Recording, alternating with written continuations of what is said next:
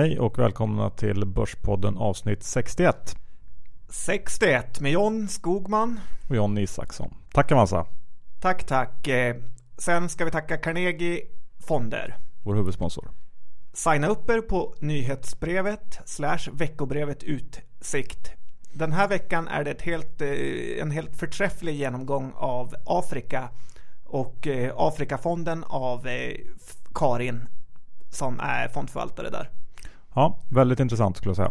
Ja, det är både slides och man kan lyssna. Så vill man lära sig något om Afrika och investeringar där så är det bara att signa upp sig och läsa vidare. Ja, helt gratis också. Perfekt. Och kom ihåg den gratis femhunkan som fortfarande finns där i Asienfonden. Ja, sen avslutar vi ju vårt sjok med intervjuer från Hongkong den här veckan och eh, då är det sist ut Jens Wernborg från Business Sweden som är chef där. Eh, han pratar om hur det är att göra affärer i Kina och eh, vad man ska tänka på och vad som kan tänkas hända i framtiden. Väldigt mycket intressant från hans mun tycker jag. Precis. Sen har vi faktiskt lovat att eh, Börspodden ska anställa. Inte, vi har tagit bort anställningsstoppet Johan. Ja. Det är så här att det finns poddar med folk som ska förverkliga sig själva med en hel koncern bakom. Och så finns det poddar med adelsmän som äger hela företaget. Och så finns det vi Johan. Två killar som kommit från ingenstans. Och i och för sig inte tagit sig någonstans heller. Men vi behöver lite hjälp för att vi har inte tid till allting. Nej, det stämmer bra John. Och nu söker vi en ung, brutalt hungrig student förmodligen. Ja. Som vill extra knäcka lite nu och då med att eh, hjälpa oss lite grann. Med vad då? Ja, vi ser gärna att man är lite datakunnig och kan ratta lite hemsidor. Det är ett plus. Vi ser även att lite hjälp i klippningen skulle vara bra att ha och det är även så att vi har tänkt att eh, fasa in den här personen för att göra en del grejer eh, i vår nystartade podd Fondpodden. Precis, att eh, ju duktigare man är desto bättre saker får man göra. Ja. Och eh, Fondpodden eh, behöver hjälp av en go-getter. Så där har man också en chans att eh, skapa sig ett litet namn kanske om man är riktigt duktig. Precis. Och har ni inte lyssnat på Fondpodden så gör det. Den har närmare 10 000 lyssningar på första avsnittet och idag kommer tvåan. Ja. Så skicka ett mail till eh, börspodden.gmail.com om ni är intresserade så fortsätter vi därifrån. Sen avslutningsvis John här i inledningen så måste jag ju berätta att vi ska på Börsens öppet hus onsdagen den 5 november. Det kommer att vara massor av intressanta eh, föreläsningar och eh, på två av dem så kommer Börspodden att vara med. Och jag tycker definitivt att ni ska gå och lyssna på det här. Det är gratis att anmäla sig. Vi kommer att skicka ut eh, länken till programmet och sidan där man kan anmäla sig på. Ja, och eh, vill man se Johan I göra flis av Günther M så är det bara att komma. Det är Börspoddarnas battling. Ja, det där får stå för dig John. Men, men som sagt, onsdag 15 november, öppet hus på Börsen. Be there. Or be square.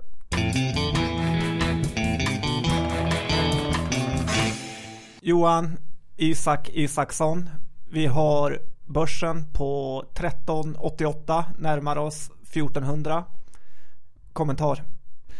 Ja, det har ju gått ofattbart snabbt upp igen ifrån den här 1250 noteringen vi hade som lägst här för några veckor sedan. Och um, ja, jag uh, sa väl förra veckan att jag trodde att vi inte kommer lägre än den här 1250 i år och det håller jag väl fast vid. Uh, men eh, samtidigt så tycker jag att man ska vara försiktig nu. Jag tycker inte alls att det känns eh, sådär jättebra.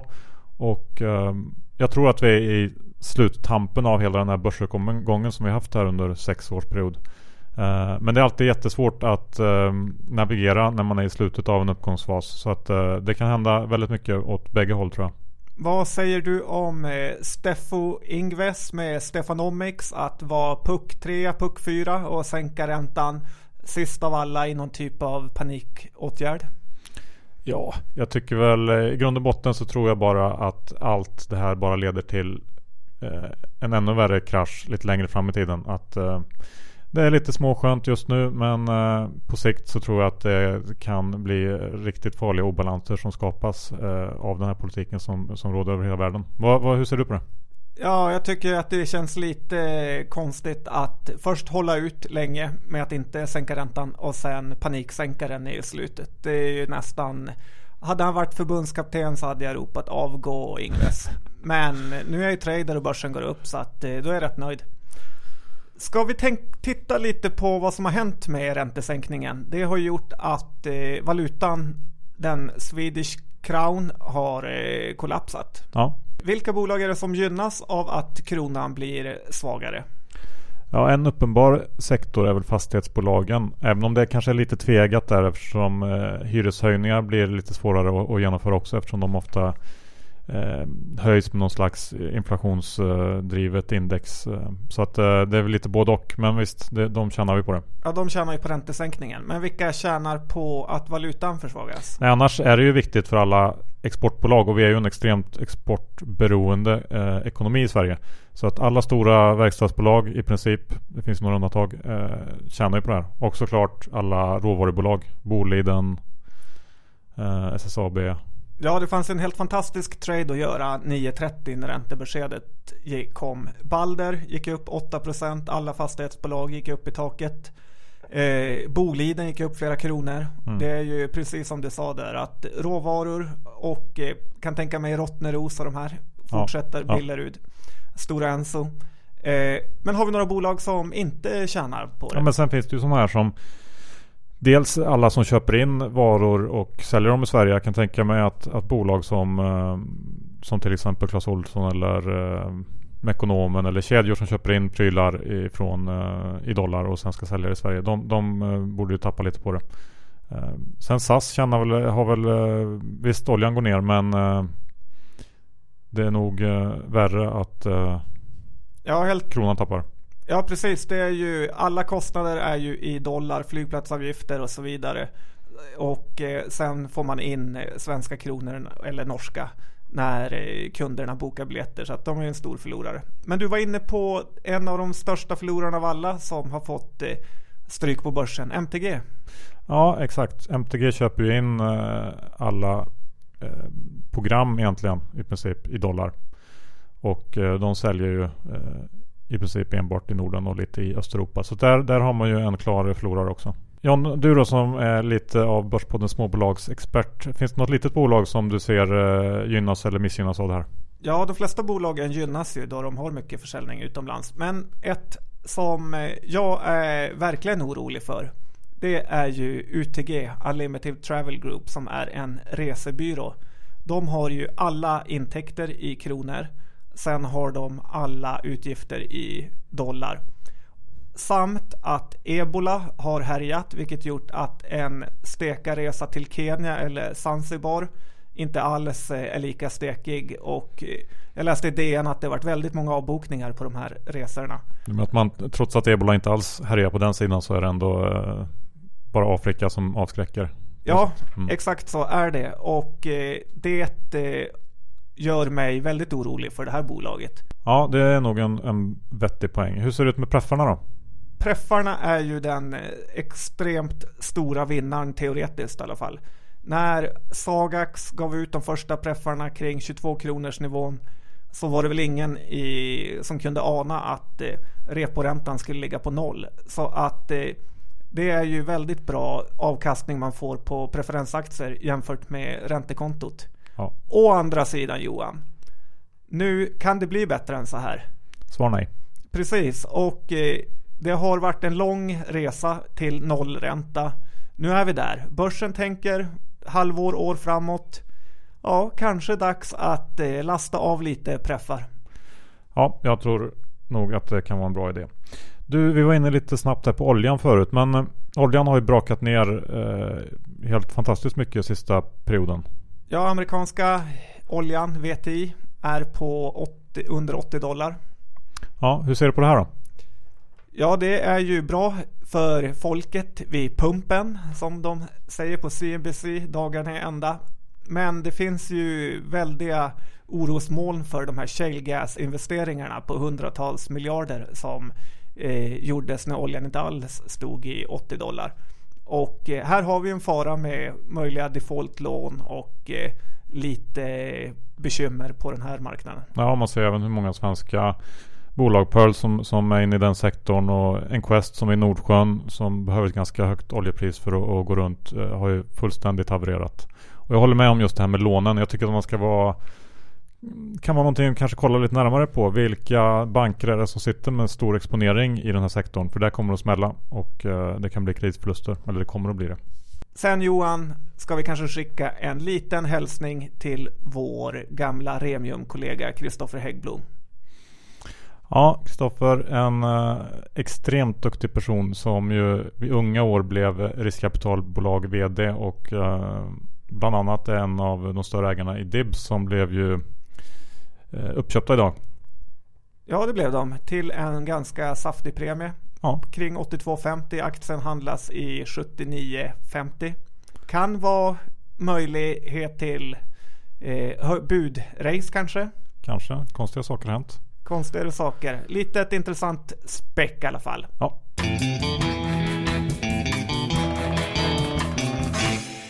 Johan, det har kommit en hel del rapporter. Du har varit flitig och kan du berätta lite om eh, vilka härliga rapporter som varit?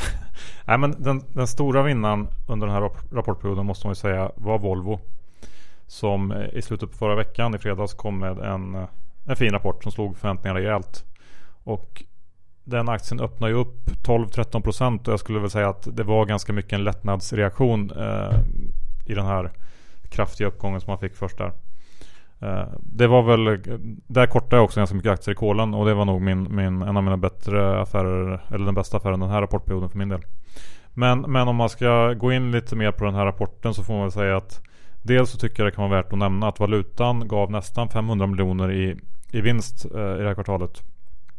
Eh, så att det är klart att det börjar märkas nu att de här eh, stora exportbolagen tjänar kraftigt på, på den svagare valutan. Jag tror också att det är en del av eh, förklaringen till den starka börsen på slutet. Redan får man ju också tillägga för att valutan har ju stärkts ytterligare efter den här perioden. Ja, men i övrigt så lanserar man lite nya besparingar. Och jag tycker väl, det ser ju bättre ut nu men det finns fortfarande väldigt mycket kvar att göra i det här bolaget. Och jag väntar med att köpa ändå. Okej. Okay. Sen kanske vi kan ta en titt på eh, en annan eh, spelare i sektorn. Fast en underleverantör, Autoliv. Ja, där gjorde du också en fantastisk affär genom att blanka. Mycket sälj i det Johan. Ja, det är ofta lite enklare att tjäna pengar på kortsidan än på långsidan. Eh, men, men Autoliv kom faktiskt med en besvikelse för ovanlighetens skull. Och Autoliv är ju faktiskt ett av få svenska bolag som eh, guidar på kvartalsbasis. Eh, som är ganska vanligt i USA. Men som vi inte ser så ofta här i Sverige. Och därför är ofta avvikelserna ganska små när Autoliv kommer med rapport. Men den här gången så kom siffrorna in lite sämre för Q3 och man indikerar också att försäljningen under Q4 och eh, i början på 2015 kommer att bli lite svagare än vad, vad marknaden hade räknat med. Och det här gav en ganska kraftig effekt då under, under dagen när rapporten kom. Eh, P1415 handlas Autoliv till nu på nästa år och eh, jag kan tycka att det är, eh, fortfarande är åt det dyrare hållet. Eh, den aktien har kommit ner lite grann men, men för en underleverantör inom bilindustrin så tycker jag att det är för dyrt. Och jag tycker också att det finns en hygglig risk att prognoserna för nästa år kommer att behöva sänkas. Så att det är fortfarande sälj där från Börspoddens sida. Ja men det tycker jag låter vettigt. Har du någon fler bolagsrapport som ja, du vill prata om? Ska vi kanske avsluta det här storbolagsracet som man ska kalla det med MTG. Um, nu är inte de jättestort bolag men, men i alla fall.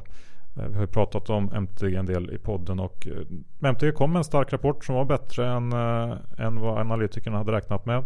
Runt 10% kanske. Men den här aktien vill verkligen inte gå upp. Ryssland plus gammel-TV det är någonting, ja, det är nog helt enkelt för mycket för börsen och investerarna för att uh, vilja köpa på riktigt. Så att, uh, ja, dessutom så tror jag att det finns en ut, eller jag har hört att det finns en oro för hur bolaget ska klara av uh, att hålla utdelningen uppe om man tvingas sälja CTC som står för en ganska stor del av kassaflödet. så det påverkar också såklart. Bolaget är billigt men det ser ut som att billigt ska bli billigare. Ja, billigt av en anledning som proffsen brukar säga. Vad har du hittat då den här veckan John?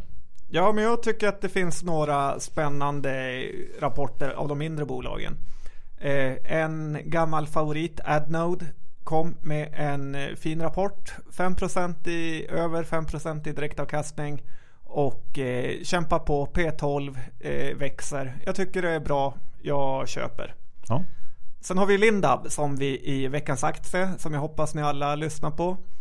Eh, som jag vet att en del av er skolkar ifrån. Men gör inte det för att där gav vi en härlig köprekommendation på fem, låga 55 nivån.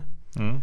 Eh, nu står den i 65 och eh, den är förmodligen värd mer. Jag är köpare på den här nivån. Ja, samma här. Sen Johan, sorgebarnet. KABE. Vad blir det? Kabe. Precis, de gör premium husbilar och eh, husvagnar och så vidare som vår generation inte är så intresserad av. Ja. Men de tjänar pengar, de har 118 miljoner i kassan. Eh, är väl P13, 14 kanske. Eh, kommer Q4 här där man inte säljer så jättemycket husvagnar, inte Q1 heller för den delen. Problemet här har vi ju att de bygger och bygger husvagnar och husbilar och ställer på lager. Snart har de bränt 100 miljoner av kassan på att bygga upp lagret. Här skulle jag vilja se en riskkapitalist gå in och shapea upp bolaget. Sen är det här med dollarn och valutan ett litet tveeggat för KABE då de är, säljer slovenska eh, husvagnar som då blir dyrare. Men även kan de exportera lite KABE-bilar som blir billigare. Ja. Slutligen då Johan har vi Enea som vi har pratat om tidigare och jag gillar den. Den har 180 miljoner i kassan. Växer lite grann till och med för första gången på länge. Där är jag köpare också. Okej, okay, bra. Tack för det. Sen John har jag tittat lite grann på börsens spelbolag. Ja, du är ju gammal spelexpert. I alla fall på vad banken får höra. Ja, om vi ska börja med Net Entertainment. Börsens bästa bolag i mina ögon. Eh, och bolaget som jag kanske gjort både min bästa och sämsta affär i någonsin. Berätta. Ja, jag gick ju nästan all in i Net under 2008 eh, där när de knoppades av ifrån Betsson och man kunde handla på någonstans 10-15 spänn. 20 dubblare med andra ord. Ja, ungefär. Och eh, det var ju en jättebra placering. Speciellt att ligga i den under finanskrisen eftersom eh, nettan inte gick ner under det året. Men eh, sen sålde jag ju såklart mina aktier för tidigt. Och ja, det gör ont varje gång jag tittar på den här aktien svischa förbi på 210, 15 och ja usch. Men ändå, det är ett fantastiskt bolag. De kom ju med en superrapport som vanligt. Eller den kanske var lite bättre än vanligt till och med. Men det där bolaget är för dyrt för att man ska vilja köpa det nu. Um, så att uh, jag hoppas på en rejäl börskrasch så jag kan köpa Nettan igen. På 10 kronor eller? alltså så illa blir det nog inte igen. Men uh, ja, så är det bara. Men om vi ska titta på Betsson och Unibet så kom de också med, med fina rapporter som slog förväntningarna. Men där tycker jag att det kan vara värt att notera att det var sportbettingen som stod för biten som man säger. Så att eh, och det, det är lägre kvalitet i, i den typen av resultatöverträffning. Eh, så att eh, man, man ska komma ihåg att marginalen för sportbetting varierar väldigt mycket mellan kvartal och kvartal. Eh, dessutom så hade vi ju VM här under sommaren och det har liksom dragit upp aktiviteten såklart. Och eh, vi hade många, många resultat som var gynnsamma för spelbolagen. Ja, man brukar säga att man ska köpa spelbolag när marginalen är dålig och då kanske man ska sälja när den är bra. Ja, eh, lite så tycker jag man kan tänka. Och man brukar också se en tillbakagång av aktiva kunder efter ett sånt här stort event som fotbolls-VM till exempel. Så att eh, det kommer att komma en liten baksmälla för de här bolagen, det är jag ganska säker på. Och nu handlar man Unibet till P 15-16 nästa år, Betsson lite billigare. Det är inte jättedyrt för, för den typen av bolag kan jag tycka. Men, men det är betydligt högre än vad de har värderats till historiskt sett. Och eh, jag upprepar att det finns billigare alternativ utomlands. Så att, eh, Som heter? Ja, Playtech är till exempel ett, ett exempel. Det är väl egentligen mer eh, ett Net Entertainment eh, alternativ. Men eh, det är ett exempel. Så att eh, där kan man nog ta hem vinster tycker jag. Vad säger du om den lilla uppstickaren Kambi? Kambi är ju också ett väldigt intressant bolag. Det är ju som ett entertainment fast eh, med sportspel istället för kasino. Eh, men aktien har ju ingen verklighetsförankring överhuvudtaget. Eller i alla fall värderingen på aktien. Den är ju undervärderad enligt Danske Bank.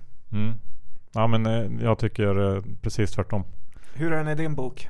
Ja, den är groteskt övervärderad skulle jag säga. Men, men det, det, är såklart ett fint bolag som man vill äga men inte man kan inte köpa bolag till vilket pris som helst. Och det gör man om man köper Kambi kring 60 spänn. Det, det, finns inte på kartan skulle jag säga. Så att äh, vänta med den aktien. Äh, avvakta. Och där finns det också, jag, jag, tror att förväntningarna på Kambis marginal är för höga. Och, äh, De dras väl med Unibet hjälpen kan man säga. Ja, och där har man också samma fenomen nu under, under sommaren. Att man har haft en fantastisk sommar med fotbolls-VM.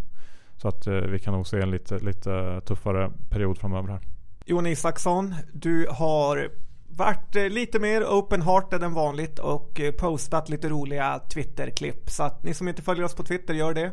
Men bland annat hur du gjorde en närmare tiodubbling i en Volvo-option inför rapporten. Hade du pratat med Ossian? Nej, det hade jag inte om. Um, nej men jag tycker ibland uh, så tar jag lite bett i optioner inför rapporter som jag tycker uh, när jag tycker att um, ja helt enkelt risk-rewarden ser, ser intressant ut. Och Volvo var ju extremt uh, nedpressad inför sin rapport och förväntningarna var väl inte så höga. Så att uh, köpa lite optioner. Uh, nu köpte jag med strike 80 inför rapporten. Då... Vad fick du betala för dem? Ja, kanske 70 öre eller något sånt. Och um, då har man ändå möjlighet att ta del av, av uh, uppsidan vid en eventuell överraskning. Och man kunde ju kanske ana att det, det skulle kunna bli ganska stora rörelser i, i, Volvos rapport. Du var ju med förra rapporten med, då gick det inte lika bra. Nej, då gjorde jag lite samma sak. Det gick inte lika bra. Men, men uh, fördelen är ju att man förlorar inte mer än vad man satsar i absolut värsta fall. Och uh, tar man bara en liten steg så, så ja, jag tycker att det kan vara ett ganska kul sätt att betta lite på, på olika typer av rapportreaktioner. Ja, men vill man förlora mer än man satsar så finns det också fina möjligheter i optioner. man ska tänka så här att 90, eh, det finns ju undersökningar som visar att 90% av alla optioner förfaller värdelösa. Och det Ola Rolén nämnde i Hongkong-podden så är det ju hur man kan utnyttja det här med att eh, leka banken själv. Att istället för att köpa en köpoption som du gjorde så kan man vara den som eh, säljer eller ställer ut optionen. Mm. Och har man en stor portfölj så kan det här vara ett väldigt eh, bra sätt att få lite extra avkastning. Och eh, här ska jag visa på några härliga optionsstrategier som man kan göra. Låt höra John. Det man kan göra är att man ställer ut en naken option. Det innebär att du inte har någon liksom, trygghet och att du kan förlora i princip hur mycket som helst. Om vi tar Boliden som eh, exempel då så innebär det med att ställa ut att du säljer en säljoption. Och om du då säljer en säljoption på där du åtar dig att köpa Boliden på 120 kronor som den står i ungefär idag i mars. Och eh, då får du 6 kronor. Hänger du med på resonemanget Johan? Mm, ja, ja, jag tror jag. Eh, då får du 6 kronor. Om då aktien går under det här eh, tvingas du då köpa den för 120 kronor oavsett vad aktien står i. Så säg att den står i 115. Då får du köpa aktien för 120 kronor. Men du har ju fått 6 kronor i premie. Vilket gör att det ändå blir en vinst på en krona.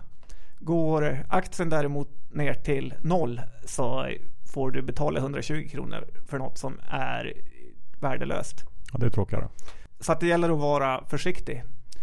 Men säg att du får köpa den där då eh, för 120 kronor och aktien står där i närheten. Du har fått dina 6 kronor i premium. Då kan du göra en så kallad covered call som Ola Rolén pratade om. Att eh, Boliden står i 120 som den gör nu och du har 1000 aktier så kan du sälja en köpoption. Alltså att du ger bort rätten till någon annan och köpa eh, dina Boliden för 130 kronor. Och eh, för det här för i mars då 2015. Och då har du både 10 kronors uppsida mellan 120 och 130. Och för det här besväret att lova att sälja den för 130 får du 3 kronor. Så i värsta fall så fortsätter aktien över 130 och då får man inte ta del av den uppsidan.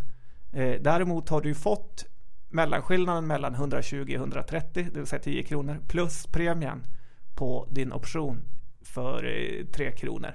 Så att din vinst har blivit 100, eh, din vinst har blivit 13 kronor då per aktie.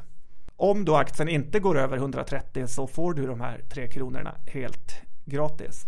Och det här sättet kan man också använda om du till exempel tycker att du är intresserad av att köpa en aktie men att den är för dyr för tillfället. Säg att du tycker att Boliden är för dyr på 122 kronor. Att du ty kanske tycker den är värd 110. Då kan du eh, ställa ut eller sälja en säljoption som sagt på 110. Så får du, blir du tvingad att köpa den för det om den kommer under 110 eller lägre. Så, men går den aldrig där under så får du bara inkassera premien gratis. Mm, det är också en, ett sätt att spela optioner. Ja, men som sagt, var försiktiga. Det här kan eh, kosta skjortan. Men 90% av alla optioner förfaller och eh, det brukar löna sig att vara banken.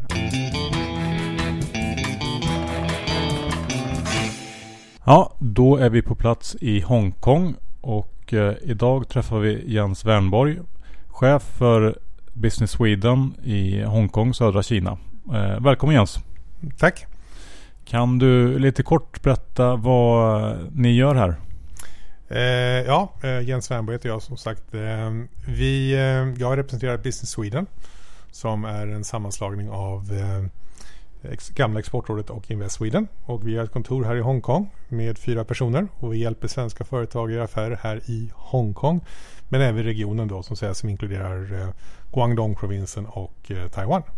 Spännande. Vad eh, eh, vi kan väl prata lite, lite grann först om hur, eh, hur det är generellt för svenska bolag som vill göra affärer i, i Kina. Vad, eh, vad är de vanligaste misstagen eller svårigheterna som, som uppstår? Och, ja, ja eh, man kan ju säga idag så har vi ungefärligen 430 svenska företag med 900 etableringar. Eh, och då om man skulle, då skulle jag räkna Ericsson som ett av de 430. Men sen så har de ett antal andra eh, så att säga, dotterbolag liknande. Då blir det som sagt 900. Eh, och Kina är ju väldigt stort. Det är lika stort som, som eh, Europa i yta.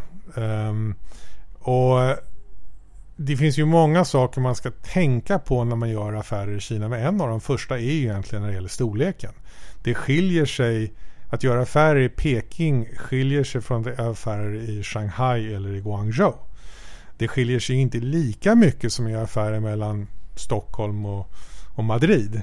Men, men det, det, man kan... Eh, Eh, det är lätt att man drar ner Kina och det blir någon sån så statistisk punkt som man bara säger att ja, nu är det så här i Kina.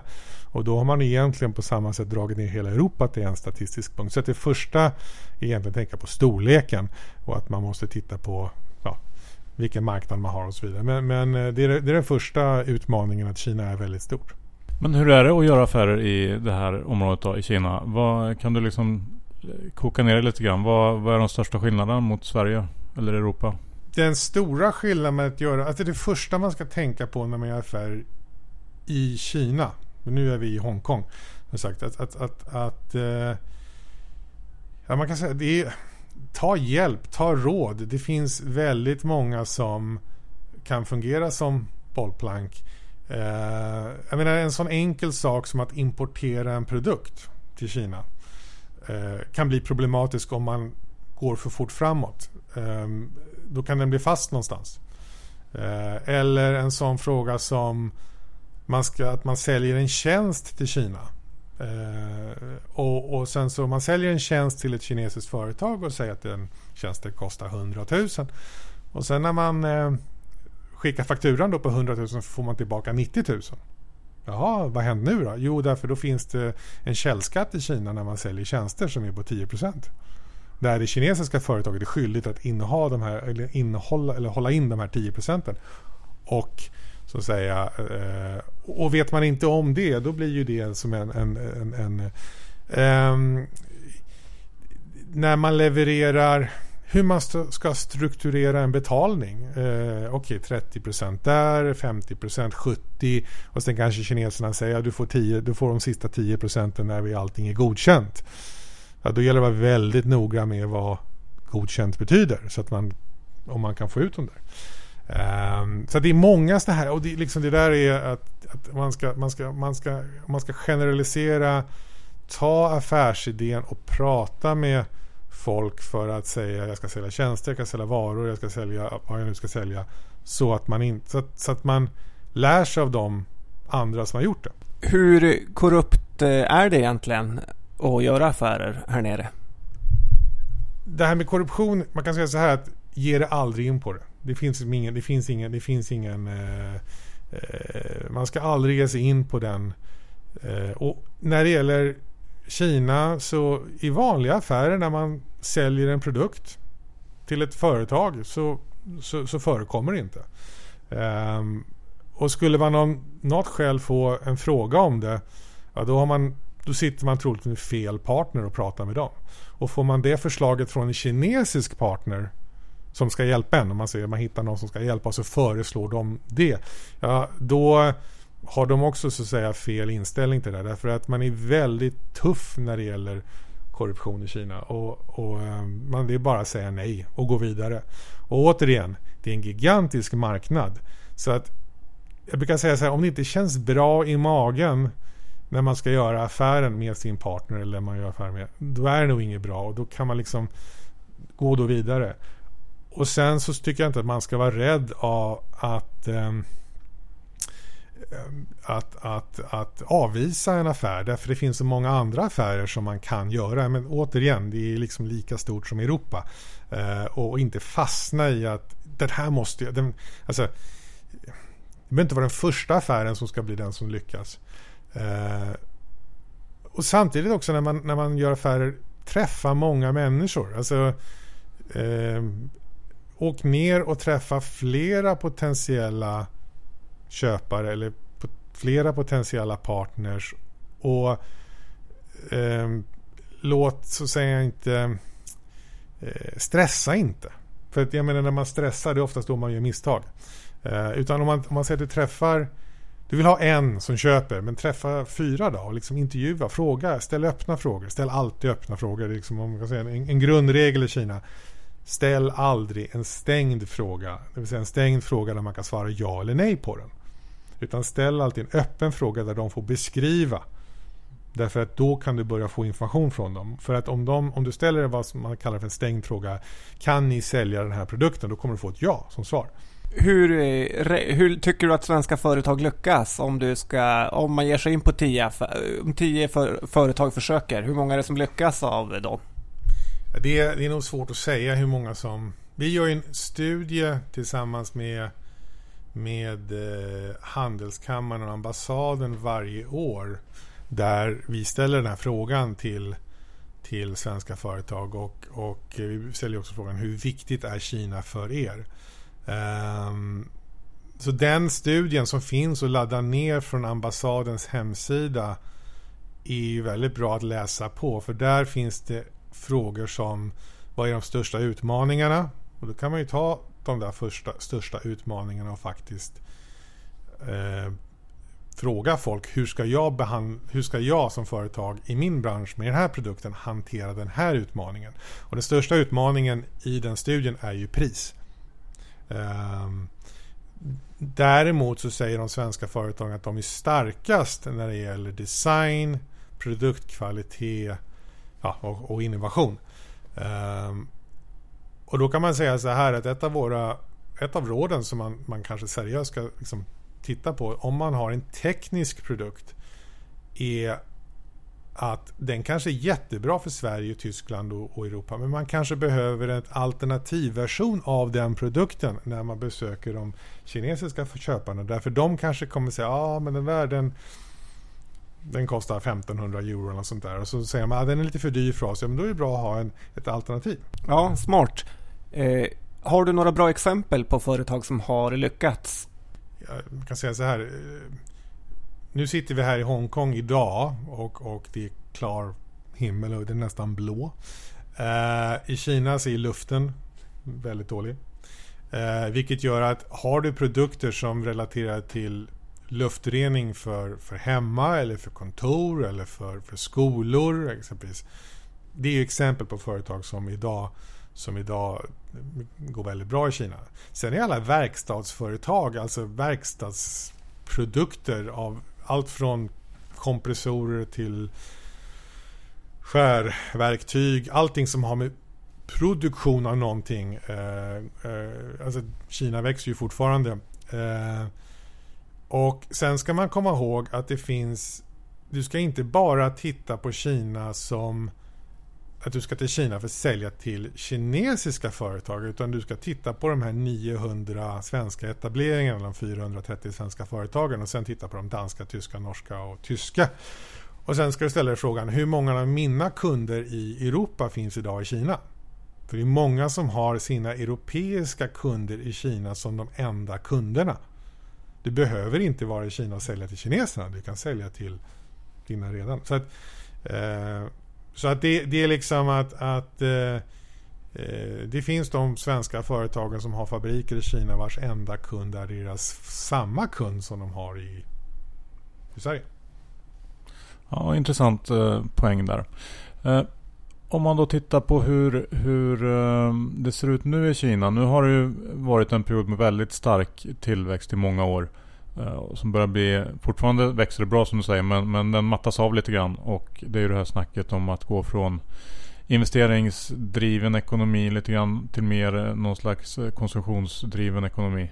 Och det här skiftet och allt som händer i och med det. Vad är din syn på, på hela den här förändringen som sker? Kina vill och måste komma till vad man kallar kan säga, hållbar tillväxt.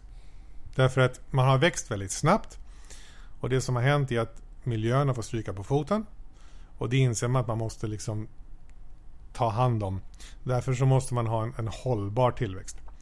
Uh, sen när du säger konsumtion, att man, blir, man, man vill ha en inhem, inhemsk konsumtion.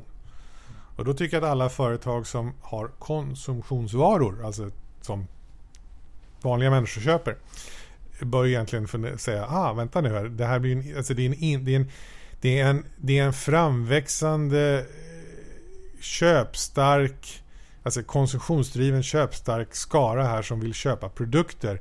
Eh, så vad har jag som är jag som företag, vad har jag som företag som skulle vara lämpligt att sälja i Kina? Eh, så att alla de här frågorna hänger ihop. Men man kan säga att ja, lönerna går upp i Kina. Därför inte lika... Alltså du ska ju inte... Många företag flyttar till Kina tidigt för de vill ha produktion i Kina för det var billigt i Kina. Idag är inte Kina billigt längre. Eh, så att man lägger ju inte produktion i Kina för det är att det är billigt. Man lägger däremot produktion i Kina för att man vill producera för den kinesiska marknaden. Eh, och och de lönerna går upp, ja, då får man ju mer köpstarka kineser. Och köpstarka kineser innebär att de kan konsumera produkter. Och kan de konsumera produkter, då gäller det att vara där med sin konsumentprodukt. Men sen när man tittar på det så ska man ju alltid liksom ställa sig frågan eh, Man kan säga så här, just nu så tittar vi, gör vi, vi eh, eh Just nu så jobbar vi en del med eh, kosttillskott. Eh, och då kan det vara bra att tänka på att den förpackning som man kanske har i Sverige och då pratar vi inte om det här med, med att man kanske måste ha kinesisk text på den utan bara färg och form av en förpackning kanske borde vara lite, den ska vara lite mer, eh, lite mer fart och framåt i Kina för att synas på en hylla jämfört med vad den ska vara i Sverige. Så att säga. Så att, liksom, själva produkten är bra och, och, och eh, så att det är liksom Eh, Eh, man, må, man måste, måste, tänka till på det här. Men, men Kina, Kina eh, och det är många andra saker som händer i Kina också. Eh, det här att man huvud, ska, huvudstäderna, de stora städerna har ju varit Peking, Shanghai och, och eh, Guangzhou då, eller Kanton. Eh, nu jobbar man i Kina på att få dem vad vi kallar för un, Tier 2 och Tier 3 och Tier 4. Alltså andra, tredje eh, Eh, generationens städer inåt landet att växa till sig. Eh, och det innebär att, att du får ännu mer konsumenter i de här så att säga eh, inre städerna. Och samtidigt har man ju då mål från Kina att flytta produktion från kustprovinserna till in mer in i landet där då de som idag jobbar på de här fabrikerna i kusten kommer ifrån. Så det gör att vi kommer, jag menar Chengdu och Chongqing är ju stä kända städer i, i, i, i, eh, i eh, Sverige eh, sedan flera år. Men det kommer ju dyka upp nya städer på kartan som vi lär oss i Sverige. Varefter de växer till så blir större och mer kända. Och sen så kan man ju eh, kan man ju kan vara intressant att titta också på vilka, vilka städer i Kina flyger direkt internationellt flyg från Kina till Europa, vilket också kommer öka. Och så vidare. Så liksom det, det, vad skulle du säga att eh, är de viktigaste trenderna eller de viktigaste, viktigaste sakerna som, som händer här i Kina som man kanske som svensk inte känner till? Alltså saker som inte dyker upp i media i, i Sverige eller Europa som du eh, ser här som kan vara värt att lyfta fram. Har du något sånt? Det finns ju många saker, men en sak jag tror att man ska kanske tänka på och vilket fascinerar mig lite grann också att, att så fort när, när, eh, när kineserna har stimulerat sin ekonomi eh, jag menar sen 2008 så har ju, liksom, har ju världsekonomin eh, varit svajig.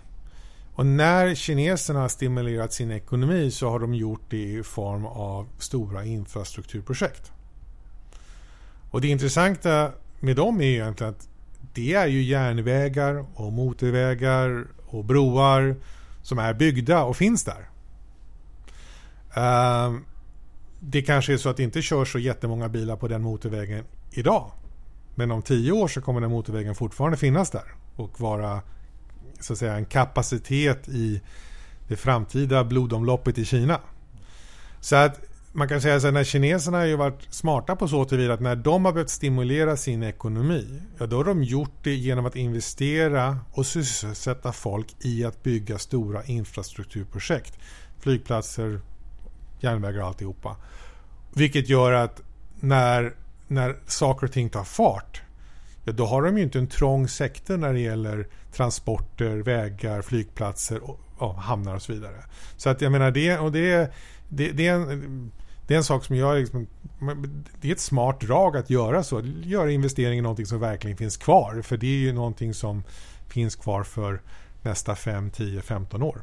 Det är ett exempel på en sån sak som jag tror att man, man eh, för att man ser det när man besöker Kina och då tänker man så ah, vänta nu, det här är ju faktiskt en smart investering. Du låter ju väldigt, väldigt positiv kring Kinas framtid eh, tycker jag. Har du inte, är det inte någonting som oroar dig? Det är i sådana fall miljöproblemen. Uh, att, att, uh, uh, men så kan man ju alltid säga att jag, jag, är, pos, jag är positivt lagd. Jag menar, det, det är liksom hela, hela jag, ty, jag, tycker det är kul att göra affärer. Jag tycker du kanske kul. ska bli aktiemäklare? Ja. om man säger så här. Det var ju inte så länge sedan. Okay, miljöproblemen i Kina är stora. och, och, och orsakerna till att vi har de miljöproblemen är ju en oförståelse i varför, alltså en oförståelse när det gäller hur farligt det är att jobba typ med kemikalier. Att, att man, att man, eh, att man, eh, att, att, du har, att, att du har en, säg att du har en eh, bearbetning av, av, av, metaller och sen så har du en ytbehandling och sen ytbehandlingen är, är, då, är då farliga kemikalier. Och därför innan vi går in på det som problem så brukar man, kan jag säga så här att när man som svenskt företag köper i Kina så har man ju ansvar, man har ett större ansvar när man köper och har en förståelse om de här problemen som kan uppkomma. Och varför har vi en förståelse av de här problemen? Jo, därför vi hade ju på 50, 60 och kanske även 70-talet, vi har ju också använt bekämpningsmedel, vi har använt kadmium för att göra saker gula och alltihopa. Sen har vi lärt oss att inte det är bra. Så att när man ser miljöproblemen i Kina och så tittar de på Sverige och så säger de ah, Hammarby Sjöstad, vad fint ni har gjort där. Ja, jo. Men det var ju inte så länge sedan som det var ett industriområde. Och vi har ju ändå lyckats förvandla det industriområdet från att vara ett, ett, ett område som, som det var farligt, alltså marken var förorenad, till att någonting som är, som är, är där, där, man kan leva. Så att det går ju att göra samma sak i Kina och då ska man ju också komma ihåg att Kina är ju inte vad är vi, 9 miljoner människor utan de vill till 1,2 miljarder. Så att när de, ställer, när de sätter, sätter manken till och det är lite grejer jag märker också att, att Kina vill städa upp. Um, så att, att eh, men det största, så att säga, största, största bekymret är miljöförstöringen, miljöproblemen, luftföroreningarna. Eh, och luftföroreningarna gör ju också att, att folk kanske drar sig till att, att eh flytta dit eller att man, eh, ja, man vill inte bosätta sig där och, och, vi behöver ju ha folk, alltså vi i Sverige behöver ju ha folk på plats i Kina för att göra affärer. Det här med demokratin då. Idag när vi kom in till Hongkong så känns det som att de här protesterna var groteskt överdrivna av media. Man ser nästan ingen alls eh, som protesterar. Men långsiktigt, vad tror du om... Eh, eh, blir det demokrati i Kina någon gång? Om man tänker så här. Vad, vad är drivkraften för ekonomisk framgång? Jo, det är att man kan vara kreativ. Och för att kunna vara kreativ så måste man ha fritt spelrum för sina tankar. Och fritt spelrum för sina tankar innebär att man har ett öppet samhälle där man kan alltså, uttrycka vad man vill och, göra, och också det här att man har rätt att tänka att man kan både göra rätt och göra fel. Eh, för att, att någonstans längs vägen kommer det här att, att eh, för att bli ännu bättre så måste man bli ännu mer innovativ och för att vara innovativ så, så måste man ha ett öppet samhälle. Eh, och det är lite grann det som ja, man, man så att säga, hoppas att kineserna inser att, att tillväxt kan komma så långt. Men för att riktigt komma till full tillväxt och få, få, få, få, få eh, eh ja, dra nytta av den, den enorma befolkningen är så måste man bli öppet för att kunna bli kreativt. Slutligen, kan du ge dina topp tre kortfattade tips till en person som tänker starta företag i Kina? Topp tre tips till den som tänker starta ett företag i Kina.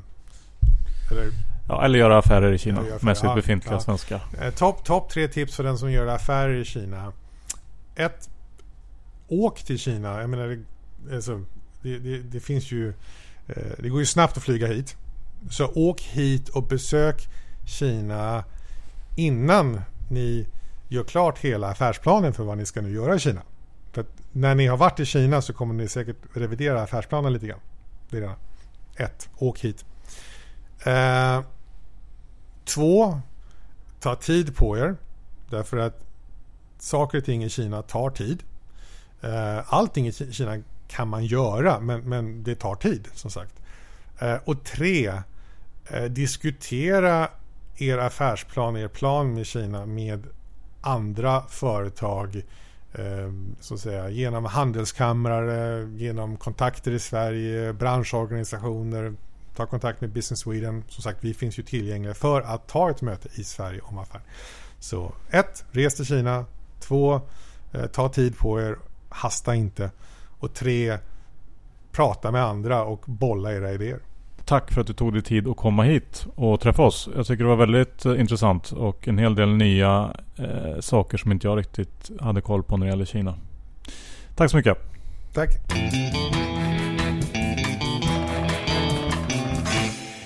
Oj, oj, oj, oj, oj John. 61 Det var ett matnyttigt avsnitt. Ja, det var det. Härligt att eh, gå i mål med Asien eh, på Asienturen så förträffligt och eh, Jens gav oss verkligen en inblick hur det är att eh, arbeta där. Ja, och vet man inte allt man behöver veta om Kina och Asien nu då, ja då vet jag inte vad jag säger. Nej men då är man besviken på dem.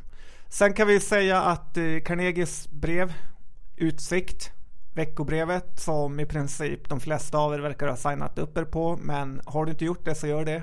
Har en väldigt härlig Afrika genomgång. Ja, intressant som tusan. Så signa upp er, det är gratis, kommer varje vecka och är fruktansvärt intressant. Och sen var det här med dig och Günther igen. Oh. Ja, vi får se hur det går, men jag ska göra mitt bästa. Ska du förlora? Nej, John. Onsdagen 5 november. Öppet hus på Börsen.